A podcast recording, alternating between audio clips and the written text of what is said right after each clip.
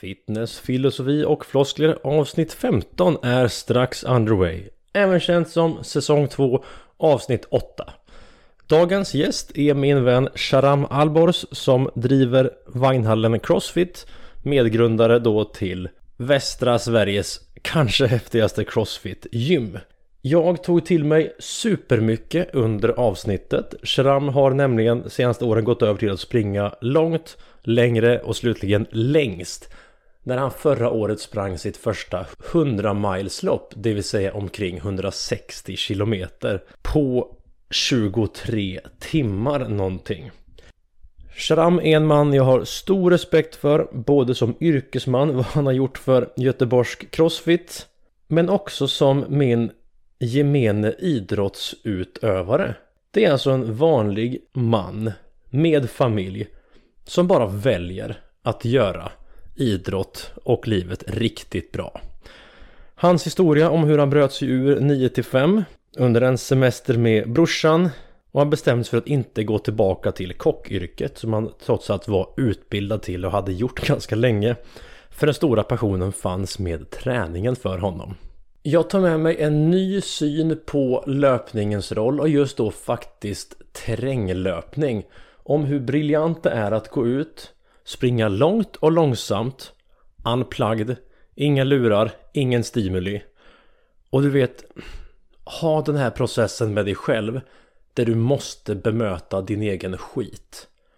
Det är så lätt att distrahera sig med stimuli, går ut och springer så kanske du mer fokuserar på att bara ta dig fram och använda musiken för att kötta. När du i själva verket kan använda det här som en djup meditativ process där det är du, du och du och du tränar på att ha tråkigt. Så det här är faktiskt någonting jag tar med mig och kommer anamma och för det tackar jag Sharam oerhört för för sin vältalighet och precision när det gäller att beskriva vad löpningen betyder för honom och vad den kan ha för effekter på oss.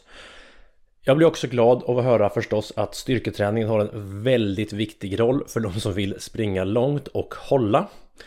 Så om du är någon som då tycker om motionsformerna styrketräning och löpning så har du här ett grymt avsnitt att lyssna på. Annars kör vi på. Du märker att det är avsnittsläpp varje vecka nu. Vi kör alltså back-to-back avsnitt hela sommaren.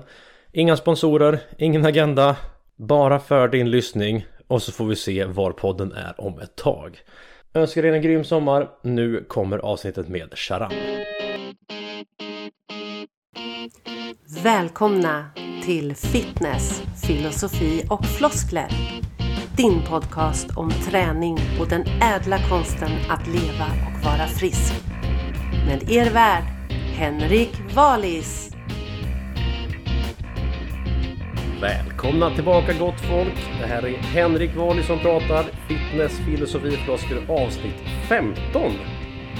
Veckans gäst i detta avsnitt 15 av det frispråkiga friskvårdsinitiativ jag kallar fitnessfilosofifloskler, floskler är Kocken som lagade sin sista soppa och öppnade eget gym. Idealist och visionär som dikterar sin egen arbetsvecka. Svensk mästare i klassiskt styrkelyft både som senior och veteran. Amatörsnickare som byggt sin egen bastu på 50% hantverkeri och 50% naivitet. Finisher av Black River Runs 100 miles lopp, det vill säga 160 km löpning på under 24 timmar. Grundare, ägare till Vagnhallen Crossfit, ett av Sveriges häftigare crossfit-gym. Djupt inbiten i barfotaskornas mörka skuggvärld där han konstant försöker indoktrinera till och med sina egna barn. Sharam Alborz! Välkommen! Stort tack! Missade jag någonting i presentationen? Nej, det var fantastisk presentation. Jag... jag eh, det, det, är en av de eh, bästa grejerna med att vara med i den här podden. Att man får en presentation. Hur ofta får man det? Det är härligt att höra. Jaha, du sa någonting off the record om eh, reality-tv. Ja, just det. Vill du lägga till det? Ja, ska vi lägga till det? Jag var, eh, jag var med i uttagningen, eller min fru anmälde mig till Genikampen och jag kom ganska långt. Jag var inbjuden på eh, sista castingen, träffade produktionsteamet, fick två, tre veckor efter det ett samtal där de tyvärr så jag meddelade att jag inte fick en plats i årets Genikampen. Men eh, att jag gärna fick vara med i Farmen istället. Och inget fel på Farmen, men eh, det var, jag vet inte, jag var kanske inte riktigt det jag, jag var inte beredd på det. Nej, jag förstår, jag förstår. Jag tackade nej. Ja. Eh, helt okej, för då Mm. kunde du vara med här istället. Exakt. Så jag tänker, jag har med dig idag, för du för mig är liksom en mästare på att nu kombinera styrketräning och konditionsträning på senare år. Mm. Sen så har du även varit inne i Crossfit-sväng ganska länge. Du och jag delar ju en fetisch för friska fötter. Eh, och någonstans där tänker jag att vi ska prata om idag. Ja men underbara ämnen. Ja, lite, lite kort. Namn, ålder, uppvuxen, de som inte känner dig. Ja, eh, och det är ett antal tror jag. Men eh, 43 år gammal, tvåbarnsfarsa. Från eh, Halmstad faktiskt. Så att eh, eh västkustkille. Flyttade till Göteborg för 10 cirka år sedan. Och känner mig väldigt hemma här nu. Så att eh, jag blir nog kvar här ett tag tror jag. Pysslat med träning mer eller mindre hela mitt liv. Eh, första halvan kanske inte så mycket i det som vi ska prata om idag. Då spelade jag biljard en hel del och eh, eh, var inte så fysisk kan man säga. Och sen någonstans i eh, 25-årsåldern så började jag träna. All right. Men för mig är ju du Sharam från Vagnhallen Crossfit. Du bröt dig ur 9 till 5 när du var 34. Mm, precis. Springer långt, lyfter tungt, bastar varmt. Mm, Men det har inte alltid varit så. nej. Hur blev du den här Sharam 2.0? Um, jo, alltså jag eh, började väl eh, intressera mig för de här grejerna någonstans när jag eh, blev 30 någonting ish. Och var liksom lite klar med festlivet och eh, restauranglivet som jag jobbade eh, som eh, kock då. Och jag tror att eh, det var ingenting som skedde plötsligt utan det kom gradvis när jag kände någonstans att eh, kokböckerna byttes ut mot träningsböcker och hela mitt intresse började gå ifrån lite det här sena kvällar och eh, stressiga livsstilen som jag ändå älskade när jag var ung och eh, trivdes väldigt bra med. Men eh, det kom ett skifte där. Och eh, nej men sen så har jag liksom glidit in kan man säga. Av, eh, det är ju ett antal olika händelser såklart som har hänt men det stora var väl när jag beslutade mig för att sluta jobba som kock kan man säga och starta mitt eget gym. Det var väl det, st det stora. Hur lång var den processen? Den var väldigt kort. Låt faktiskt. höra. Ja, från eh, idé till handling så var det inte ens ett år. Faktiskt. Så eh, att jag mognade i mig själv och kände, alltså den här idén om att jag inte kunde jobba kvar som kock för alltid. Den kanske kom gradvis. Men den dagen jag bestämde mig eller fick idén att öppna gym. Den var eh, på en semesterresa med min bror. När han eh, jag låg eh, vid poolkanten och blottade mig kan man säga. Och förklarade för honom att eh, ja, så som jag har det nu, det funkar inte. Vad ska jag göra? Och eh, han plockade fram en liten servett där och började anteckna ner. Och så brainstormade vi fram en idé om att öppna gym. Och jag tror att det tog ungefär nio månader från det tills att vi slog upp portarna på vagnarna. Så att det gick fort därefter. Mm, men hur kom det sig att det blev just alltså Crossfit? Vad hade du för relation till styrkesport då? Ja, men då hade jag börjat träna crossfit faktiskt. Jag började väldigt tidigt eh, i Malmö, när jag bodde där. Grejen var att jag hade nog egentligen dragit mig lite till den här, eh, vad ska man kalla det, funktionell styrketräning. Innan crossfit kom till Sverige, utan att ha ett namn på det. Vi gillade det sättet att träna. Jag hade ett par kompisar också som jag vet vi hade pulkor och släggor och bildäck och diverse olika saker i garderoberna. Som vi drog ut på gräsmattan och eh, körde med. Och sen fick vi nys om att det skulle öppna Crossfit i Malmö. Jag tror det var 2010. Västra hamnen. Mhm. Och då var det liksom att, vad fan, det är det här vi håller på med. Vi kanske kan gå och testa det. Och sen fastnade jag. Så jag hade tränat Crossfit. Och eh, faktiskt eh, coachat lite grann också. Eh, när idén kom att jag skulle öppna eget. Så det var nog därför det blev den typen av gym eller box. Mm. Om vi, vi ska gå vidare till liksom, mer konditions och styrketräningar tänker jag. Men jag är nyfiken på 2014. Du öppnade eget gym. Hur såg du på Crossfit då? Och hur ser du på det idag, nästan tio år senare? Ja, ja, man kan ju lugnt säga att jag har mognat lite. Crossfit har mognat, jag har mognat. Så att vi har väl landat i någonting väldigt fint nu. Jag vågar knappt tänka ens hur jag resonerade kring Crossfit på den tiden. Jag tror, jag tror det mesta var sprunget ur att jag tyckte det var rätt häftigt och kul att köra.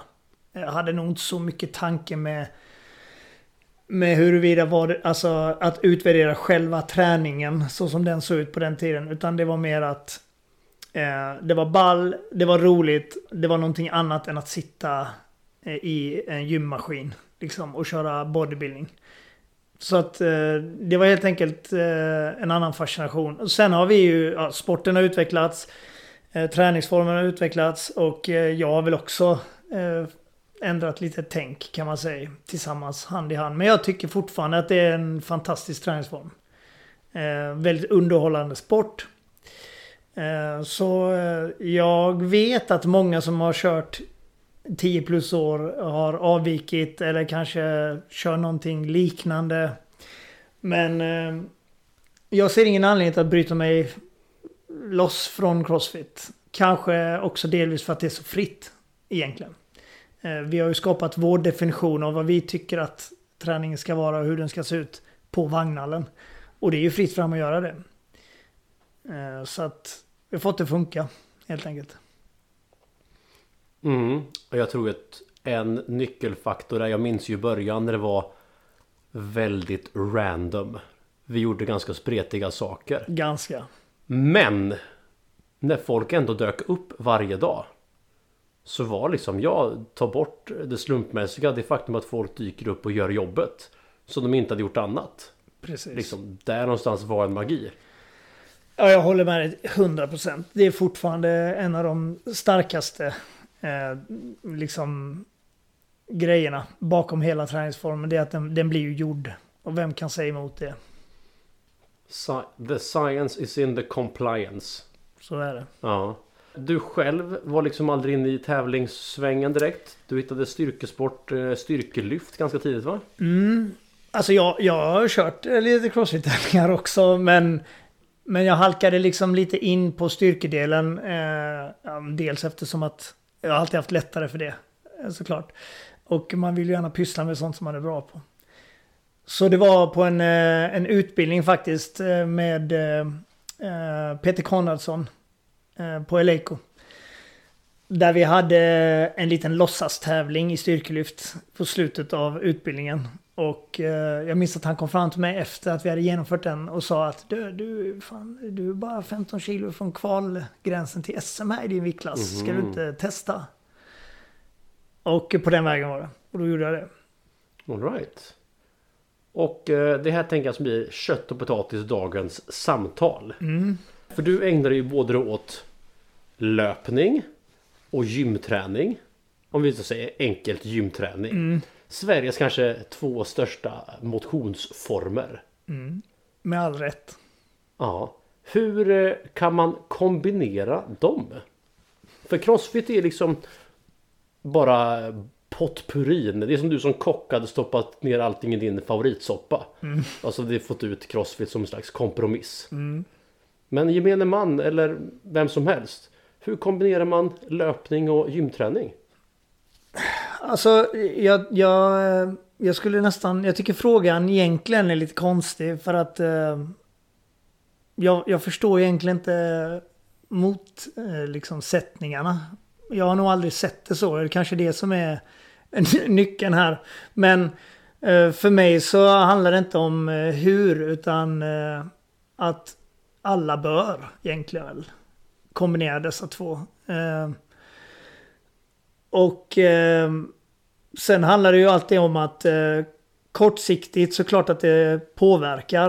Eh, och i viss mån eh, faktiskt eh, kan försämra prestation i, i, eftersom att det är så liksom på varsin ände av ett spektra kan man säga. Men, men långsiktigt så har jag bara dragit fördelar faktiskt åt båda hållen. Så för mig är det en given kombo. Jag gjorde lite research här och letade upp dina resultat på Styrkelyft online. Mm. Och hittade ett SM-guld från 2016 Ja, stämmer. som senior. Ja.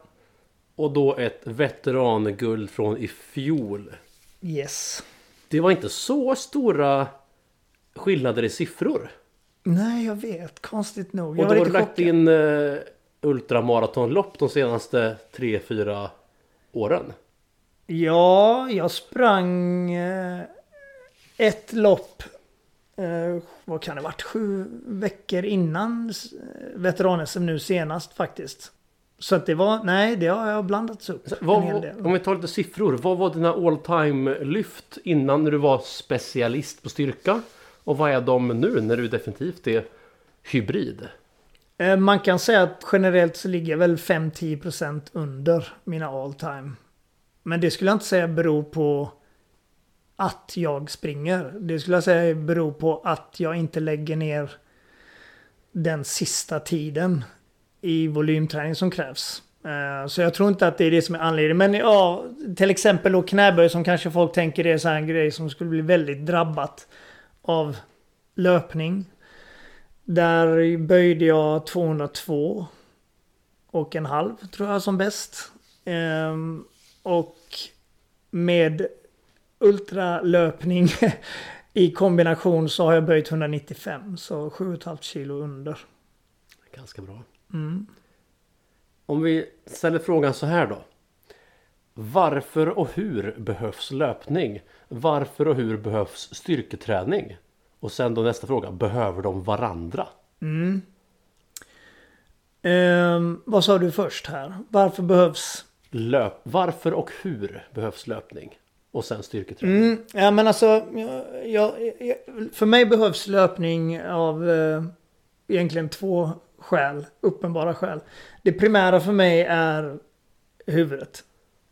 Det är min absolut härligaste motionsform.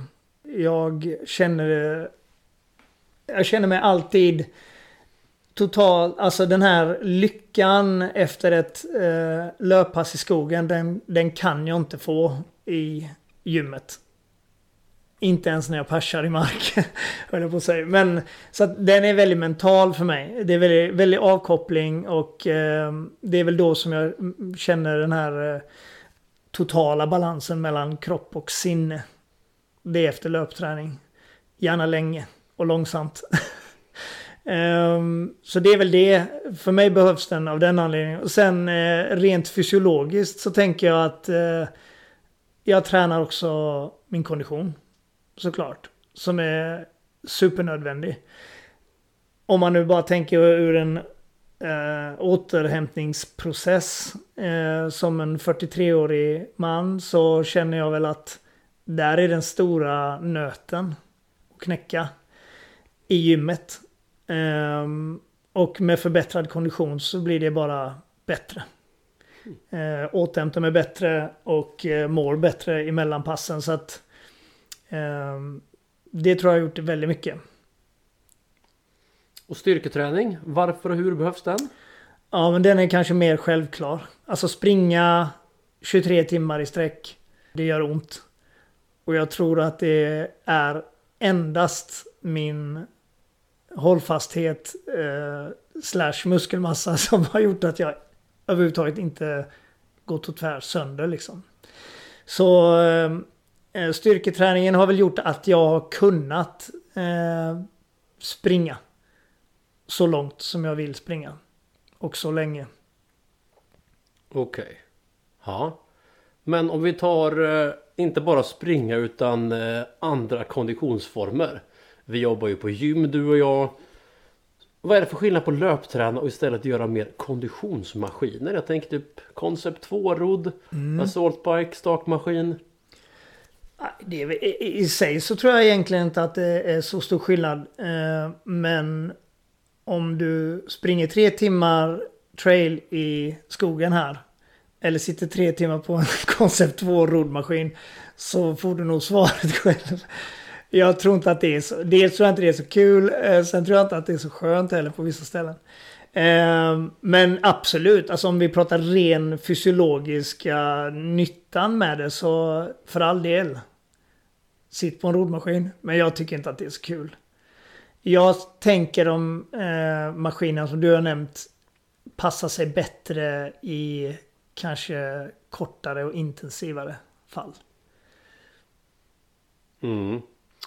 Om jag ställer en kanske självklar fråga då men eh, Konditionsträna inomhus kontra utomhus. Mm. Kan vi ta några skillnader och likheter där? Ja, alltså nu bor vi ju i ett land med... Eh, nu ska jag inte klaga på vädret för nu har det varit väldigt bra väder här ett tag. Men eh, stora delar av året så är det ju inte superhärligt kanske att ta sig ut. Ehm, min min eh, konditionsträning, om man ska kalla den för det, består ju mestadels av eh, ganska låg intensitet. Och längre. Vilket gör att är det 15 minusgrader så blir det tufft att ta sig ut. Ehm, och då kan det passa sig. Jag har eh, väl periodvis eh, sprungit över hela vintern men jag är... Eh, jag, jag ser ju också själv i statistiken att min löpning går ner på vintern. Och det är kanske inte fel heller i och för sig. Men jag tycker att... Eh, nej men eh, en, en god löptur i en höstdag när det är så här 12-15 grader, det är underbart. Det är det bästa. Ja, det är det bästa. Mm. Eh, hur kan jag maximera hälsofördelarna från konditionsträning? Du sa jag springer långt och inte så snabbt. Vi pratar ibland zoner 1, 2, 3, 4, 5. Eh, Martin Altmark sa att velodromcykling är zon 6 by the way. Det finns Ja, just det. Det finns en till ja. Ja. Men eh, hur optimerar jag liksom hälsofördelarna från konditionsträning? Ja, men jag, jag tänker att för det första så tror jag att all konditionsträning som blir gjord är bra. Så eh, man ska nog inte trassla in sig och komplicera för mycket med det. Jag tror att det kan vara lite avskräckande. Jag vet att det har varit det för mig. Eh, börjar man prata pulser och zoner och sådär så kan det bli att man får en idé om att eh, man måste göra på ett visst sätt. Eller att eh, eh har jag legat i fel zon nu så har det inte gjort någon nytta. Och har jag inte reggat mitt styrkepass i en app så har det inte hänt. Och sådär. Så att jag, är, jag är en fan av förenkling. Jag tänker att gå pulsen upp och du andas lite mer ansträngt än du gör när du ligger och kollar på Netflix. Så får du fördelar direkt. Liksom. Så min filosofi har alltid varit att eh, spendera x antal minuter, timmar i veckan med förhöjd puls. Och sen inte tänka så mycket mer på detaljerna. Okay. Du kör KISS, Keep it simple stupid. Lite så. Och jag tror att för 99% av befolkningen som inte vill bli absolut elit så räcker det gott och väl. Mm.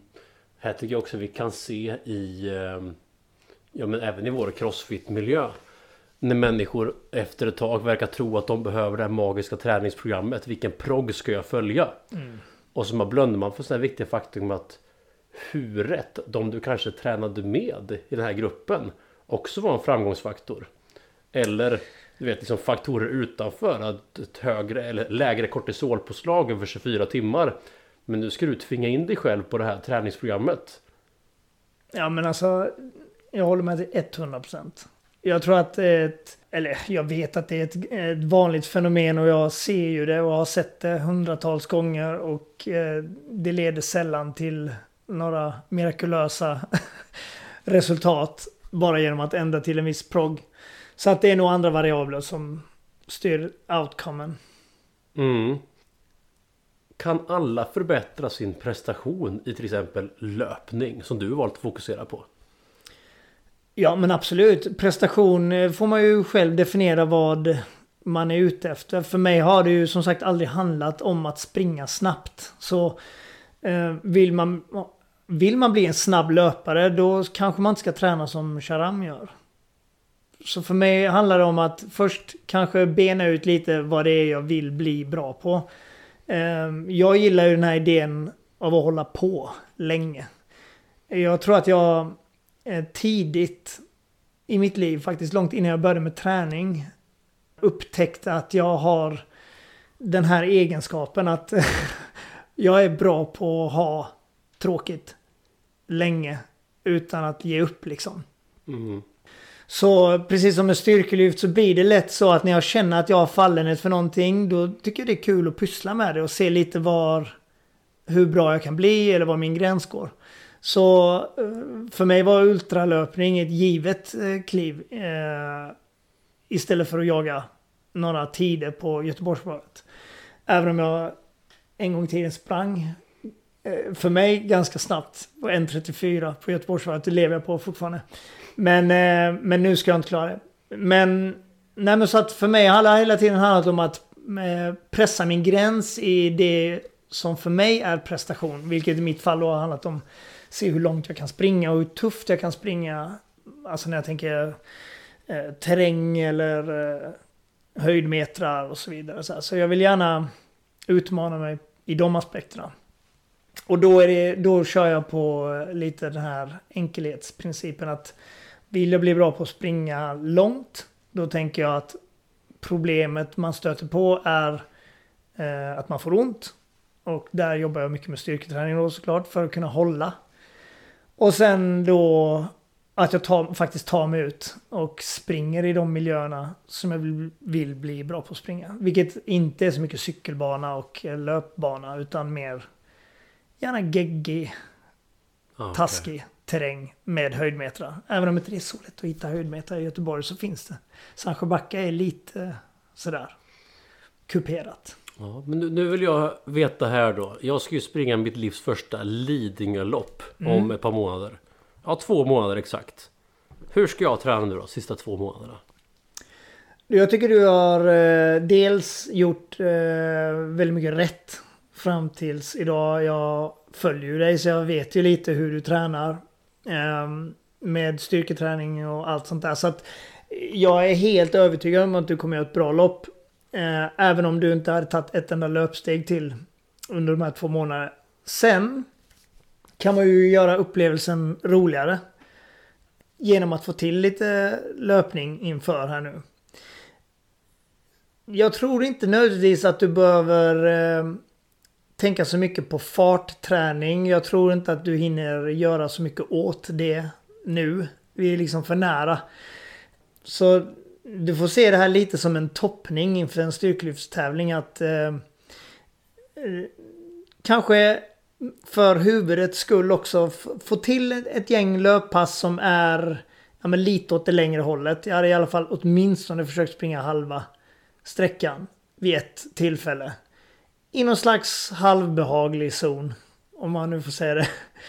Eh, Så du får känna på lite, ja men dels hur kroppen reagerar och eh, få liksom en känsla för hur energiintag och energiförbrukning och det känns och hur du påverkas av det några, ett par timmar in. Har du någon tid du siktar på? är ju nästa fråga.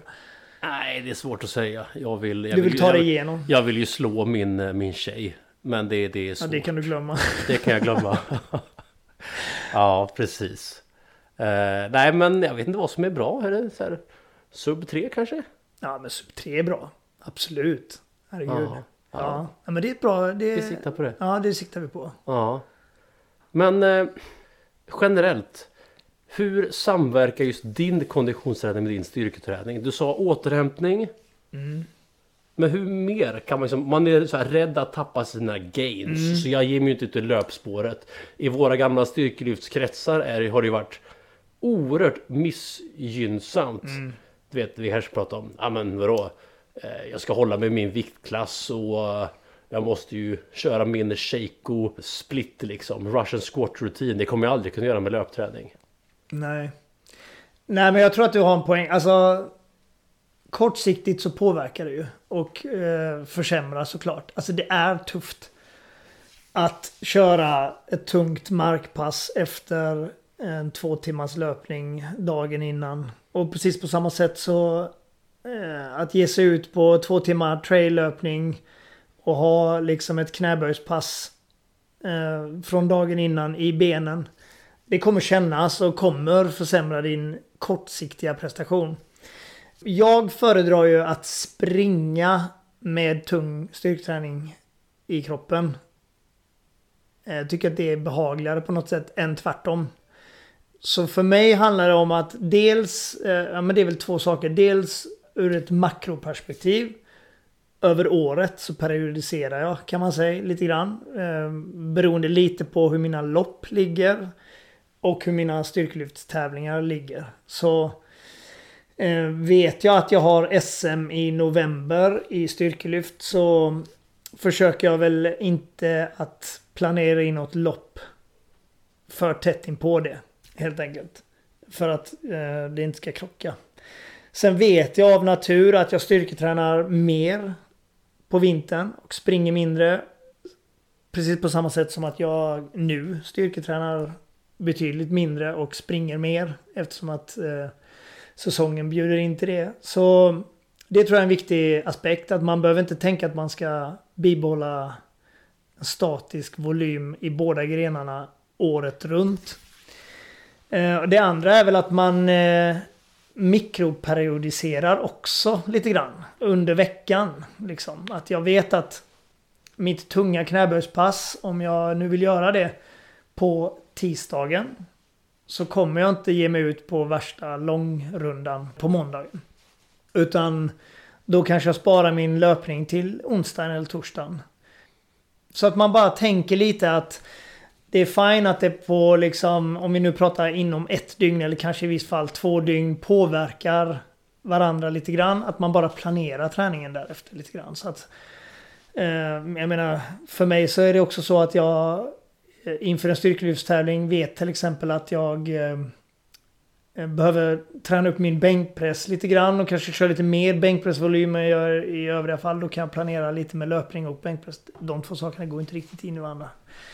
Sen, eh, sen såklart, allting plockas ju någonstans ur samma lilla energipåse. Och där får man ju se över så att man sköter de andra viktiga delarna. Sömn, mm. kost, bastu. Men hur tänker du med hela vilodagar när du ändå kombinerar två sporter? Mm. Jag kan tänka mig att du kan luras till att säga, ja men löpning är active recovery, ja, sa äh, någon snubbe. Det, nu går vi in på härliga grejer. Active recovery, ja, det... Det... Det förstår man inte riktigt på. Men... Eh, nej, jag, jag, tar absolut eh, vilodagar. Ofta eh, blir det av en händelse i livet ändå. Så jag behöver sällan planera in dem kanske. Jag har ju som sagt två små barn nu och då vet jag att det kommer komma dagar då jag inte får till träning. Eh, så om jag istället försöker sikta på att få in min träning så löser sig vilodagarna. Har man inte det så och har det här angenäma problemet att man helt enkelt behöver planera in sina vilodagar. Då tänker jag att man lägger dem när man känner sig sliten. Eller efter tunga styrketräningspass. Eller de längsta löppassen. Liksom. Att man använder det som små bonusdagar att vila upp sig på. Men jag är inte rädd för att vila. Jag har haft min period i livet när jag var rädd för att vila. Men nu är jag inte det. Så nu vilar jag gärna. Mm. Vad har du mest motstånd till? Vilken träning har du mest motstånd till? Eh, riktigt hög intensiv flåsträning. A.k.a. Crossfit. Nej men det, det, är väl, eh, det är väl min sämsta gren ska jag säga. Jag är inte... Där, eh, där är jag inte bra. Jag trivs inte där. Hur ser det ut för dig innan liksom? Så här, knyter du skorna en halvtimme? Stretchar du lite längre än du behöver? Nej, det är inte så farligt nu. nu jag är rätt så effektiv och eh, eh, håller inte på med för mycket fippel kan jag säga. Men, men eh, jag kör för skojs skull en hel del crossfit ändå. Eh, crossfit liknande. Dels eh, försöker jag hoppa på lite klasser på Vagnhallen ibland. Eh, när vi har lite roliga pass och lite teampass och så här. Eh, jag, jag, jag, tycker ändå att det är väldigt roligt. Även om de här absoluta topparna eh, med puls inte är... Ja men om jag nu ska säga att jag har motstånd mot någon typ av träning så är det väl den. Ah. Okay. Vilka resultat kan vi säger den som mest styrketränat. Vilka resultat kan han förvänta sig? Om han eller hon börjar löpträna mer? Så för mig handlar det väl om, eh, som jag nämnde lite där med återhämtning och sånt. Jag tror att eh, det är någonting som jag kanske mer känner av nu på senare år. Hur viktigt det har blivit. Eh, det var ingen faktor som jag faktiskt tog hänsyn till när jag var 35 på samma sätt. Eh, det räckte liksom med att ja, men få i mig bra ordentlig mat och sova en natt. Eh, medans nu känner jag väl att min kondition är bättre än vad den någonsin har varit och att det har lett till att jag återhämtar mig dels mellan sätt faktiskt. Eh, men också efter träningspass och mellan träningspass det var inte helt ovanligt att jag, vänd, jag kunde ta vilo, alltså kanske vilade mellan 6 och 10 minuter mellan sätten. Mm. Förr. Efter ett set marklyft, ett arbetssätt med marklyft kunde jag behöva två minuter innan min puls var nere på någorlunda normal igen. Så, och um, de bitarna känner jag väl har förbättrats väldigt, väldigt mycket. Så en bra kondition eh, är märkbar på det sättet att återhämtningen blir bättre. Både dels i passet men också efter. Och där tror jag att man har mycket att vinna. För nu hade jag ju Erik Börjesson på podden här för två veckor sedan. Tränare för AIK innebandy. Och Erik menar på att ska du bli bra på någonting då ska du ha så hög specificitet som möjligt. Men trixet är ju att vem kan spela 30 timmar innebandy i veckan utan att gå sönder? Ja, precis. Så han har absolut inte fel. I sak är det ju rätt. Och jag tror att jag når helt enkelt mer specificitetsträning om de andra byggbitarna är på plats också. Mm. Liksom. Så precis som jag nämnde det i början. Jag tycker inte att styrketräning och löpträning nödvändigtvis är motsägelsefullt liksom. Utan jag tror snarare att de hjälper varandra upp till en viss grad såklart. Men det är ju bara att titta på hur de bästa gör. Jag menar, jag har svårt att tänka mig att någon friidrottare inte styrketränar. Och jag vet om att eh, långdistanslöpare och löpare i eliten också styrketränar. Så att, ja. Om vi säger så här då. Vilken roll har styrketräning och konditionsträning för att förändra hur vi ser ut, vår kroppssammansättning? Mm. Alltså jag skulle nog säga att Styrketräningens stora gåva är att den är väldigt potent kan förändra våra kroppar. Och Precis. en lättare kropp presterar bättre på en cykel eller i löpning. Mm. Hur fungerar det på att förändra kroppssammansättning, hur det ser ut? Ja, alltså... Um, du tänker rent estetiskt? Rent estetiskt, 100% badbralleform. Ja, äh, då, då vet jag att det är svårt att argumentera för uh, ultralöpning i det fallet skulle jag säga. Utan är det det man är ute efter uh, så skulle... Det, det, det slutar väl nästan i alla fall alltid med styrketräning som den viktigaste beståndsdelen. Om man vill förändra sin, sitt utseende och sin kroppskonstitution. Ja, ehm, jag menar det har, det, det har man ju hört hundratals gånger. Det eh, tål att sägas igen att eh, vill man gå ner i vikt, kroppsfett, eh, tänker jag, om man vill förminska sin kroppsfett eh, och eh, må bra så är det ju inte konditionsträning som är nyckeln liksom. Utan då är det styrketräning. Helt enkelt. Så styrketräna först. Det gäller ju alla. Oavsett Och sen grena ut vad du vill ha ut av det. Mer specifikt därefter. Men jag tycker styrketräning har en... eh, Det är basen i allt. Liksom. Mm. Men hur ska jag spendera min tid på gymmet då? Om jag vill få maximal utdelning från löpningen? Mm. Vad gör jag på gymmet? Eh, Du kör så som i regel alla bör köra. Maximera den genom att lägga tid på stora komplexa basövningar. Och eh, bygg upp din träning till en nivå där du tål eh, ganska hög belastning. Så att du får, så att du kommer upp i de här vikterna där fördelarna börjar bli stora. Eh, tänker för skelett och för allt liksom. Så att eh, kroppsviktsövningar för all del, men någonstans eh, handlar det om att få till den här yttre belastningen. Tungt, lagom mycket och inte för sällan. Om det är mer konkret här då. Mm. Rörelser, övningar, reps, set.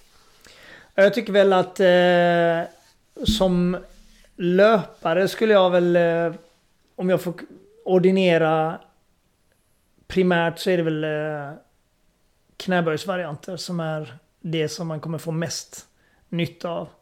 Eh, även överkroppen såklart, men eh, om vi nu ska koka ner det och eh, prioritera så eh, tycker jag att knäböjsvarianter och eh, benträning för baksidor är där jag skulle siktat in mig och ordinerat. Jag tror att man tjänar väldigt mycket på att eh, bygga upp en köttkofta i brist på bättre ord. Eh, runt de strukturerna som fotleder, fötter, knän, höfter. Som tar mycket stryk i löpning. Vare sig du ska springa snabbt eller länge. Mm. Så lite specifikt då liksom vilka Bodybuilding för mig, det bästa ur bodybuilding är vår förmåga att prickskjuta svaga länkar. Vi bygger upp vår kropp om det behövs en led i taget. Mm. Hur gör du då liksom med ja, men, fotled, fötter? Behöver jag extra vadarbete? Enbenta vadpressar, soleus races? Ja, jag kör ju en hel del. Men det är primärt som sagt med utgångspunkt ur eh, eh skadeförebyggande egentligen. Så jag kör eh, både framsida smalben och eh, vader. Tåhäv och egentligen gör jag det i stor del inför lopp också. Över året så ägnar jag mig inte så mycket åt det. Utan jag lägger eh, lite extra tid när jag vet att det nalkas tävling. Lite också för att jag vet att jag kan få problem med tibialis till exempel vid långa lopp. Jag har upplevt det. Så jag har köpt en sån tibialis tränare som jag kör med lite grann. Så att eh, absolut, jag tycker att man kan väl prickskjuta en hel del men allt handlar om hur mycket färg man har att måla med. Jag menar, har du ont om tid och känner att du vill få ut så mycket som möjligt så hade jag börjat med de större extremiteterna och sen hade jag efterhand jobbat mig ut mot detaljer. Ju Mm. mer tid jag har helt enkelt. Och det håller jag med om ganska mycket. Eh, Jag upplever att det är lätt för människor som har idrotter att missa skogen för alla träd. Hur tränar jag upp min bål för löpningen? Någon har sagt att du behöver en bra bål för löpning. Absolut. Men press, drag, höftfäll, knäflexion, lite rotation. Lite carries på det. Det räcker i 80% av fallen. Absolut. Ja, om inte mer. Ja. Men eh, vad har du gjort här nu för att hamna på långdistansidrott? Varför tror du att du har sökt dig till liksom ultramaraton?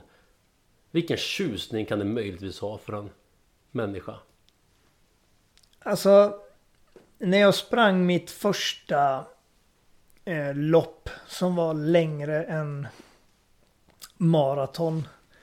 Så upplevde jag en... Eh, ja, det blir ju helt andra utmaningar. Det handlar inte längre om löptider eh, eller överhuvudtaget. Jag, jag skulle nästan säga att det handlar inte om att springa ens. Eh, det blir mer en mental grej.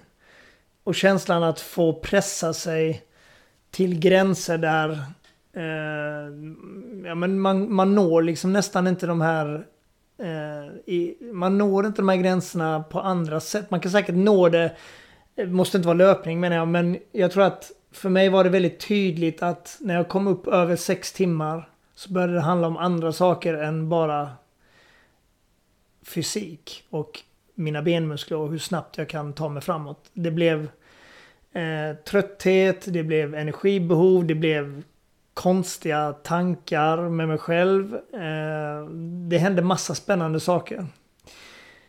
Och jag vet att jag när jag kom i mål snabbt kände att jag var inte riktigt vid min gräns och jag måste nog tillbaka dit och gå lite längre. Och jag tror att det är det naturliga, det här sökandet efter sina gränser. Jag hör det ofta. Att folk pratar ofta att de vill se, de vill testa sina gränser och se vad de klarar av. Att det ligger någon tjusning i det.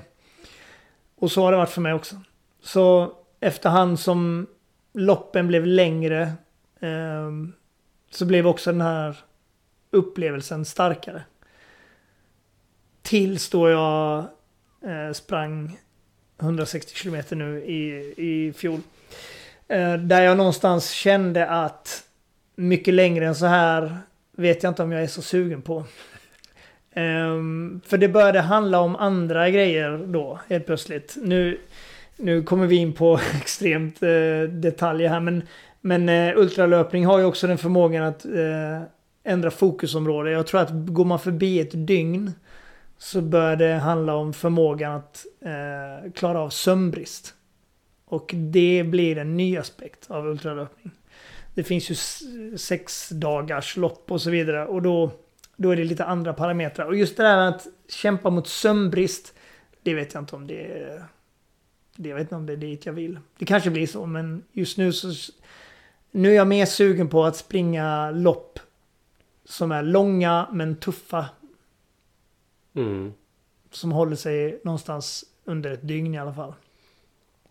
Jag kan relatera till Alltså löpningen som en stor del i din friskprocess. Alltså liksom skapade ditt headspace. Mm. Vad kan vanliga motionärer vinna på att liksom ge sig hän att progressivt springa längre, utmana sig längre? Alltså balansen mellan huvudet och kroppen eh, är superviktig. Och jag tror att det är någonting som folk i regel har förlorat. Det är klart att om du går in på ett crossfit-pass, värmer upp, kör en metcon, eh, varvar ner och kommer ut från gymmet glad och lycklig och lite mer harmoni så når du inte samma typ av balans som du gör när du håller på längre än så. Så jag tänker att man kan börja med att kanske prova två timmar, tre timmar. Och det kan vara promenad. Liksom. Det behöver inte ens vara löpning. Där man helt enkelt ägnar sig åt någonting, eh, någon form av rörelse. Utan intryck från ja, omvärlden. Musik? Musik kan funka, men jag skulle nog rekommendera att testa utan. Jag vet inte. Den här rädslan folk har.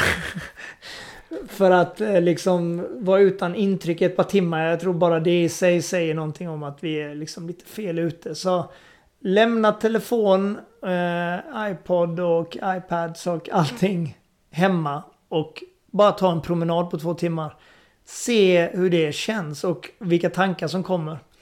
Jag tror att när man har funnit som för mig blev eh, det blev nyckeln till eh, att balansera ut småbarns papparollen, eh, egenföretagarrollen eh, och även den här prestationen i gymmet. Starke Sharam idén liksom som jag vet att jag bitvis krigar lite med och försöka frigöra mig från. Eh, alla de här grejerna, det är bara gav sig platt. när jag passerade den här första timmen i skogen med mig själv. Och det är fantastiskt. Och sen efter det så eh, insåg jag att löpning för mig är inte träning i den, alltså primärt. Eh, utan löpning för mig är 100% rehabilitering. Sen lite konditionsträning, det, det får bli bonusen liksom. Mäktigt. Mm. Rehab för din mörka själ, är det det du säger? Ja men lite så. Ja. Wow. Ja men eh, jag har fått ut supermycket av det här. Mm. Jag hade en fråga nedskriven om att jag var nyfiken på hur träningen såg ut inför ditt 100 mile race. Som var ganska nära ett SM i styrkelyft. Mm. Väldigt nära. Ja, vill du bara Inte berätta? optimalt. Nej, men kan du berätta kort om så här, hur du gjorde det? Och sen tänker jag att det är övrigt och lite småprat sen är vi färdiga. Mm. Alltså inför 100 så hade jag, kom jag ur en ganska bra period av rätt mycket styrketräning. Så jag visste att jag, jag var stark i kroppen. och Jag tålde mycket liksom. Så det enda jag kände att jag behövde träna upp eller vänja mig vid. Det var det här monotoma liksom löpsteget lite grann. Och se lite hur um, ja, men hur knän och fotleder och tibialis och de här bitarna som jag av historiska då visste att jag kunde få problem med. Eh, efter sex timmar ungefär. Så eh, löpningen var... Eh, jag, jag höll mig på ganska korta distanser. Runt eh, 8 km upp till kanske 20 km per pass. Eh, i väldigt lugnt tempo, gärna kuperat och lite stökigt terräng. Just för att det blir mindre slitage. Ju, mer, ju plattare man springer, ju snabbare går det. Och ju mer monotont blir det. Så för mig så känner jag väl att springer jag i stökig terräng så eh, även om det muskulärt kanske känns som att det tar mer så är det mindre slit på, eh, på leder och sådär. Så det, var, det, det är ett väldigt skonsamt sätt att springa. Det autoreglerar ju också farten. Det går ju långsammare liksom. Så folk som har problem med att springa långsamt, för det är det jag tycker är nyckeln till allt det här. Och vad det är för varje person, det får de själva avgöra. Men för mig så, ehm, så blir det lättare att springa långsamt i skog. Liksom. Så jag, jag sprang mycket trail. Och jag höll mig på ungefär 30 kilometer i veckan. Vilket skulle säga är extremt lite. Eh, för en ultralöpare som ska springa 160 kilometer. Men det beror också på att jag var trygg i min eh, styrketräningsperiod liksom, period jag hade kommit ur. Jag visste att jag var stark.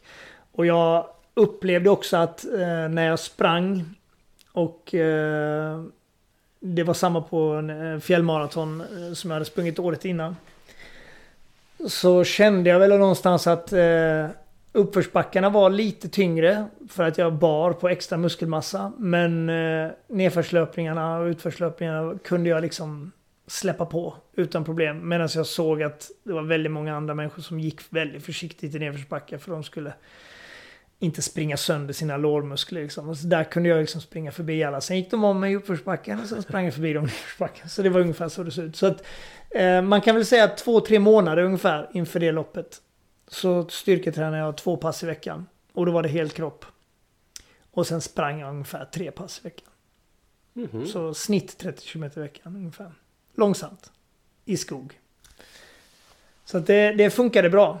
Ehm, och nu har jag ju ett lopp i sommar i Åre. 100 km i bergen där. Och det blir det längsta jag har sprungit med så mycket höjdmetrar. Så det ska bli intressant. När då? I början på augusti. Spännande. Mm. Så det är det jag håller på att träna inför nu. Och det är ungefär samma upplägg. Jag har kommit igång lite för sent med löpningen denna gången. På grund av husrenoveringar och annat. Ehm, och bebisar. Ehm, men ehm, jag är rätt trygg i det och jag har börjat rampa upp min löpning nu. Så att jag, jag kommer hålla mig till samma upplägg. Jag kör två styrketräningspass i veckan. Om jag får till det så är jag nöjd. Och sen därutöver så försöker jag springa ett par pass i veckan. Grymt. Mm. övrigt, något du känner att du vill ta upp? Nej, men jag tycker väl att eh, vi har eh, betat av ganska många bitar när det kommer till eh, träning. Jag ska... Jag får väl ändå säga att någonstans, för jag vet att det är ett ämne som också diskuteras en hel del. Det är det här med stretching och rörlighet och eh, yoga och annat. Så jag ska säga att jag lägger rätt mycket tid på det. Om jag rätt mycket tid, men i förhållande till vad jag håller på med annat. Så eh, yogar jag och jag har gjort i, ja, i, det är 10 plus år nu. Så jag försöker hålla mig mobil och rörlig och eh, förlita mig inte endast på den rörlighetsträningen man får i gymmet. Utan eh, lägger till lite extra. Och jag tror att det är, eh, inte för alla kanske, men för mig har det varit en väldigt viktig aspekt. Så, eh, nej men för all del, all träning är, ehm, eller den bästa träningen och de bästa övningarna och det bästa träningsprogrammet, det är som jag alltid sagt, det är det som blir gjort. Så att när folk frågar mig vilken är den bästa knäböjsvarianten så är det bara, det är den du gör. Liksom. Så försök att, om du är intresserad av att, att komma igång med både löpning och styrketräning så eh, och kommer ur det ena, vilket är det vanligaste, och vill lägga till det andra. Så börja lägga till försiktigt, se hur kroppen svarar. Och sen bygg upp. Var inte rädd för att det ena ska påverka det andra eller försämra din prestation. Om du inte är liksom i absoluta eliten, men då behöver du inte ta råd av mig. Liksom, så. Grymt! Men om man vill ta råd av dig, hur kommer man i kontakt med dig? Alltså det bästa är väl eh, via Vagnhallen. Så info at vagnhallencrossfit.se Där eh, når man mig bäst. Och eh, jag eh, är väldigt hjälpsam mot alla, inte bara medlemmar. Så det tveka inte att skriva om det är någon fråga eller förtydligande som man önskar i det här ämnet. Mm. Hur är läget på Vagnhallen Crossfit idag? Vagnhallen mår väldigt bra. Alltid när jag får den frågan så säger jag att det är bättre än någonsin. Och eh, det gäller faktiskt fortfarande. Vi, eh, vi är inne i vårt tionde år nu. Eh, och eh, nej men mår kanon. Boxen är... Eh, eh, jag menar, det är lustigt för att eh, tio år in och då tänker man att men då har man koll på alla delar, men det har man fortfarande inte. Både jag eh, och Vagnhallen utvecklas fortfarande. Eh, och förbättras dagligen. Så att... Eh, nej men det är toppen. Det är väldigt, väldigt roligt. Bra. Det är ju det roligaste jobbet jag har haft, såklart. Om man nu ens kan kalla det för ett jobb. Aha. Vilka kan träna där? Liksom, vad kan man förvänta sig om man är göteborgare eller har vägarna förbi? Ja men alla i princip. Vi har eh, kidsklasser där vi börjar från sju års ålder eh, och upp hela vägen till pensionär. Det är verkligen en träningsform som passar alla. Vi anpassar ju såklart all träning eh, efter individens behov. Vad det, det kan vara skador och det kan vara olika andra begränsningar eller bara mål helt enkelt. Som skiljer sig. Så att eh, det låter väl kanske lite flummigt men eh, jag får ändå säga att det passar alla.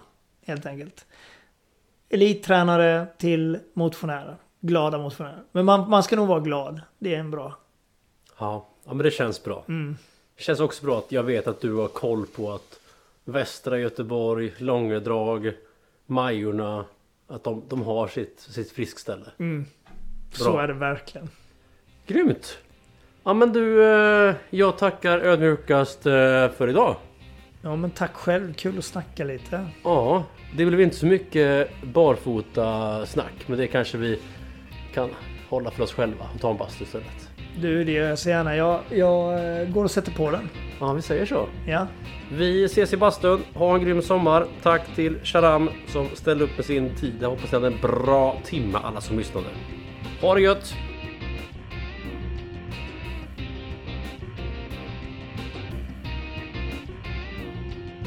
Och då var alltså en timma poddinspelning slut. Avsnittet spelades in hemma hos Sharam i hans kedjehus i Bildal. Där han också har ett kardiorum, ett gymrum, en bastu, en kallbadsbassäng, en odling.